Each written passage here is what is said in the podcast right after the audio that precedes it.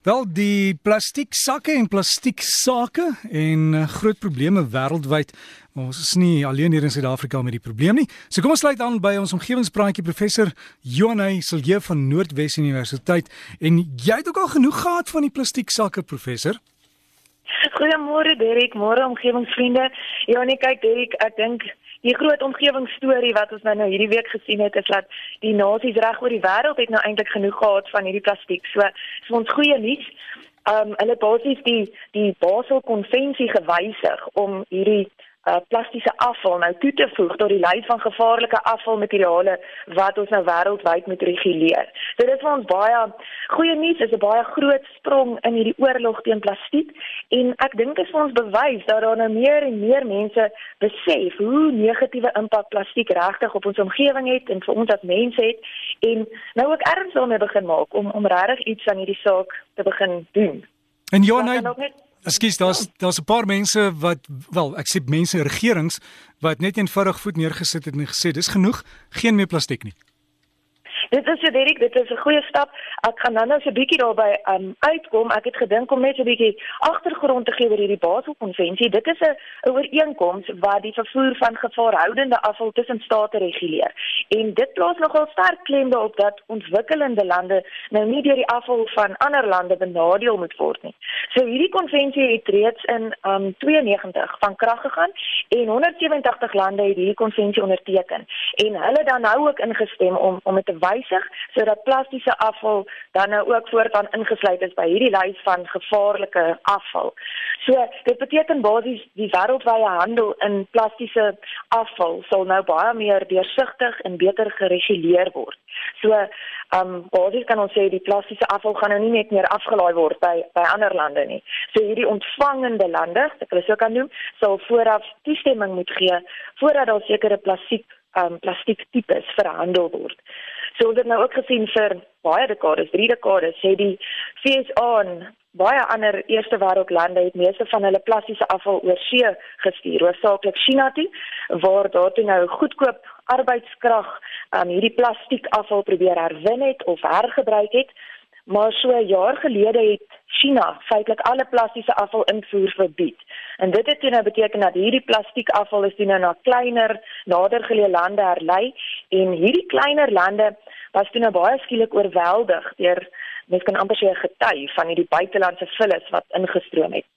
Ehm um, so jy sal seker gesien het Derek maar in Maleisië byvoorbeeld is daar nou nog groot probleme omdat baie van hierdie plastiekafval onwettig gestort is en op hierdie stadium word dit selfs gebrand om van dit ontslae te raak. So as mens um, gaan kyk na foto's van Maleisië dan het al hierdie mooi toeriste foto's word nou eintlik oorweldig deur foto's van hierdie massas plastiek wat oral te sien is en daar's ook nog bewyse van hoe mense se gesondheid geaffekteer word deur hierdie onwettige praktyke en en deur hierdie besoedeling en die brand van hierdie plastiek. Um so soos jy nou sê dit baie lande uh soos Thailand, Vietnam, India, hulle het reeds stappe geneem om die invoer van hierdie buitelandse plastiek afval te beperk sodat ander se plastiekafval nou nie hulle probleem word nie. En ek dink hierdie internasionale ooreenkoms um, gaan ook nou beteken dat ons ons gaan nie hierdie tipe praktyke sien nie. Um en dit behoort ook hierdie wanbalans dink ek te herstel waar lande weer selfaanspreeklikheid moet neem vir hulle eie plastiese afvalbestuurstelsels. So ek dink die die besluit weerspieël vir ons 'n uh, toenemende besef van die negatiewe impak van plastiek en en van plastiese afval. Maar ek wil amper sê dit is hoogtyd, nê? Nee? Ons ons praat al baie lank van hoe sleg die plastiek is en dat daar iets aan gedoen moet word aan die die fees of die Verenigde Nasies se data wys en ons het al dit voorheen genoem maar dat daar 8 miljoen ton se plastiek in die oseane beland. Um per jaar. So om dit in perspektief te stel, is gelyk so na 'n een afvaltrok vol plastiek elke minuut wat in die oseane invloei. So ons realiteit is die tempo waarteen plastiek vervaardig word is is op hierdie stadium net baie vinniger as die tempo waarteen um, ons plastiek kan afbreek of kan herwin. En dis natuurlik hoekom ons nou al hierdie tonne plastiek in ons omgewing en in ons oseane sien. Ehm um, Suid-Afrika, Derek, is ook een van die groot besoedelaars So volgens 'n studie wat deur die navorsers van die Universiteit van Georgia gedoen is om te bepaal watse lande nou hierdie groot sonnebokke is as dit by oseaanbesoedeling kom, dan is Suid-Afrika 11de op hierdie lys geplaas. Um in die klassifikasie wat hulle sê wanbestuurde plastiese afval wat Suid-Afrika dan nou genereer. So ons is selfs hoër as lande soos Indië of die Verenigde State. En ek sien ook um, Mark Gordon, hy is die adjunkt-direkteur-generaal vir chemiese en afvalbestuur van die departement van omgewingsake. Hy sê dat hulle is op die oomblik in gesprekke met nywerhede en vervaardigers om plastiekprodukte, dis nou meer so strooitjies en mikroplastiek uit te skakel of heeltemal te verbied hier in Suid-Afrika. So ons ons sien daarom beweging in die regte rigting. Uh, my kollega by regte, professor Anel Du Plessis, het gesê ons het op hierdie oomblik nog nie spesifieke wetgewing wat plastiek reguleer vanuit 'n omgewingsoogpunt nie. So ons het wel regulasies Um soos gedeelte 24 van die omgewingsbewaringswet wat handel oor die kwaliteit van plastiese produkte. Um in hierdie geval spesifiek word die dikte van plastiek inkopiesakke bepaal. Maar op hierdie stadium het ons nog niks vir die omgewing teen plastiek beskerm nie. Ons het uh, gesien dat die regering het wel die plastieksak heffing laat toeneem van 8% ag 8 sent askies per sak in 2016-2017 tot 12 sent per sak in 2017-2018. En as mens dan nou gaan kyk na die belastingstatistieke wat SARS einde 2018 gepubliseer het, dan sien mens uh, die werklike aantal plastieksakke wat verkoop is in die land het aansienlik gedaal. Maar dit is nog nie hier by ons teen wet om plastieksakke te gebruik nie. Um in Kenia byvoorbeeld, is die gebruik van plastieksakke sedert Augustus 2017 al is dit heeltemal verbân. So enige iemand wat plastieksakke verkoop of vervaardig of selfs 'n plastieksak gebruik in Kenia kan 'n stewige boete kry. Um in sekere gevalle selfs tronkstraf. So ek dink dis die rigting waarin die mense begin dink en begin beweeg, Derek. Um gelukkig hier by ons sien ons ook hoe die groot winkelsentrums en die kettingwinkels en die restaurantgroepe nou self begin standpunt inneem en self besluit om nie meer hierdie plastieksakke te verkoop of strooitjies te bedien nie. So ek dink um, om op somme sê dit vir ons hoe die wêreld gelukkig nou begin besef hoe skadelik plastiekafval vir ons en vir ons omgewing is.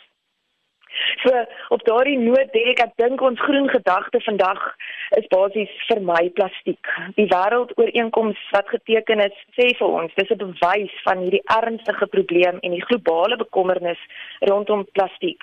So ons gaan elkeen ons eie verbruikerspatrone moet aanpas En terselfdertyd dink ek ons moet verbruikers druk uitoefen sodat nog meer winkelgroepe en restaurantgroepe en besighede wat is gedwing word om in belang van ons omgewing te handel. So die boodskap vir my plastiek. Ons het groot geword sonder dit, né, nee? Johanne? Ons sê Derek, ons het onsself gewoond gemaak um, om afhanklik te wees van plastiek. Dit is baie gerieflik as jy by die winkel kom en jy kan hom vinnig koop, die plastiek sakkie maar ek dink as die winkels dit ophou voorsien die eerste keer wat jy moet terugloop na jou motor toe om 'n 'n 'n boks of 'n materiaalsak te gaan haal, gaan jy dalk die volgende keer onthou om hom saam te bring. So ons moet onsself net weer afleer wat ons onsself aangeleer het. Ek wens net hulle wil ontslaa raak van die plastiek waterbotteltjies want daar daar is nog nie werklike alternatief nie. Nee, dit is vir Derek ek um, ons praat nou baie oor sakke vandag, maar volgens die die WWF is daar 'n paar items wat hier in Suid-Afrika die probleem is. So sakke is bo aan die lys, maar dit word baie sterk gevolg dan deur weggooi koffiebekers, is die tweede item. Strooitjies is die derde item en dan waterbottels is vierde op die lys. Um en dan die vyfde een wat ek dink ons vergeet is oorstokkies. So daai vyf items is op die oomblik ons groot probleem um veral in Suid-Afrika wanneer ons moet kyk. So gesels ons met professor Jan Heiselje van Noordwes Universiteit. Onthou die Facebook bladsy omgewingspraatjies. Gaan sluit aan en as jy 'n navraag het, dalk idee oor 'n volgende gesprek, stuur vir ons omgewingspraatjies by gmail.com. Omgewingspraatjies by gmail.com.